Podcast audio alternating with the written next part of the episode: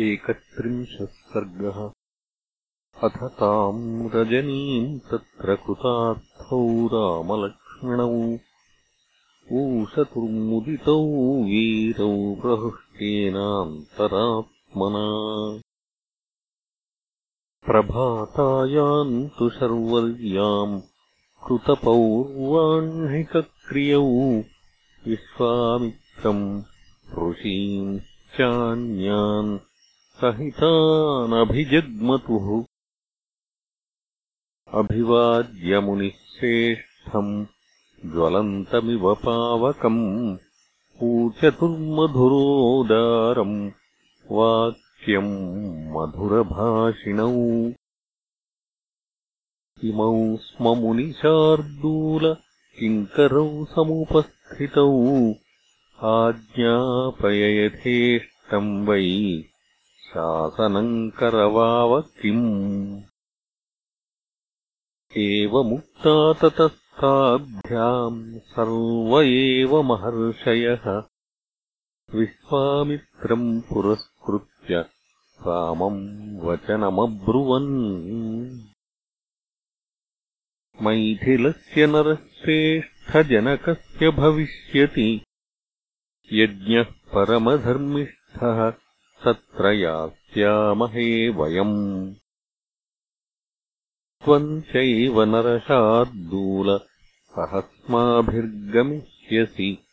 अद्भुतम् धनुरत्नम् च तत्र तद्द्रष्टुमर्हसि।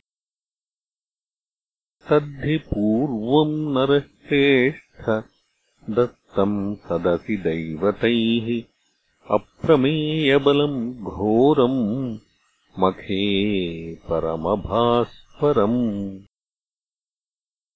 नास्य देवा न गन्धर्वा नासुरा न च राक्षसाः। कर्तुमारोपणम् शक्ता न कथञ्चन मानुषाः। धनुषस्तस्य वीर्यम् तु जिज्ञासन्तो महीक्षितः न शेकुरारोपयितुम् राजपुत्रा महाबलाः। तद्धनुर्नरशार्दूल मैथिलस्य महात्मनः तत्र द्रक्ष्यसि काकुत्स्थ यज्ञम् चाद्भुतदर्शनम्। तद्धि यज्ञफलम् तेन मैथिलेनोत्तमम् धनुः याचितम् नरशार्दूल सुनाभम् सर्वदैवतैः। आयागभूतम् नृपतेः तस्य वेश्मनि राघव अर्चितम् विविधैर्गन्धैः धूपैश्चागरुगन्धिभिः। एवमुक्त्वा मुनिवरः प्रस्थानमकरोत्तदा सर्षिसङ्घः सकाकुत्स्थ आमन्त्र्यवनदेवताः। स्वस्तिवोऽस्तु गमिष्यामि सिद्धः सिद्धाश्रमादहम् उत्तरे जाह्नवीतीरे हिमवन्तम् शिलोच्चयम्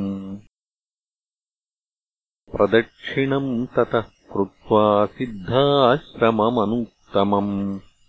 उत्तरान् दिशमुद्दिश्य प्रस्थातुमुपचक्रमे।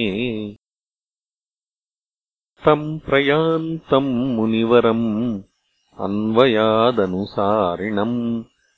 शकटीशतमात्रम् तु प्रायेण ब्रह्मवादिनाम्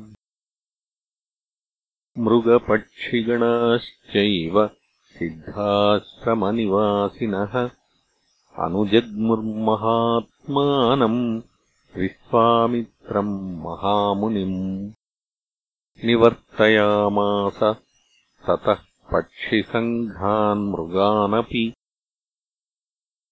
ते गत्वा दूरमध्वानम् लम्बमाने दिवाकरे वासम् चक्रुर्मुनिगणाः शोणाकूले समाहिताः। तेस्तम् गते दिनकरे स्नात्वा हुतहुताशनाः। विश्वामित्रम् पुरस्कृत्य निषेदुरमितौजसः। रामोऽपि सह सौमित्रिः मुनीम् तानभिपूज्य च अग्रतो निशसादाथ विश्वामित्रस्य धीमतः।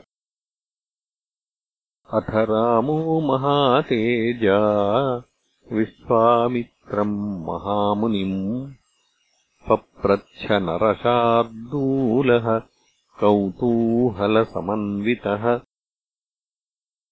भगवन् कोऽन्वयम् देशः समृद्धवनशोभितः श्रोतुमिच्छामि भद्रन्ते वक्तुमर्हसि तत्त्वतः। चोदितो रामवाक्येन कथयामास सुव्रतः। तस्य देशस्य निखिलम् ऋषिमध्ये महातपाः इत्यार्षे श्रीमद् रामायणे वाल्मीकीये आदिकाव्ये बालकाण्डे एकत्रिंशः सर्गः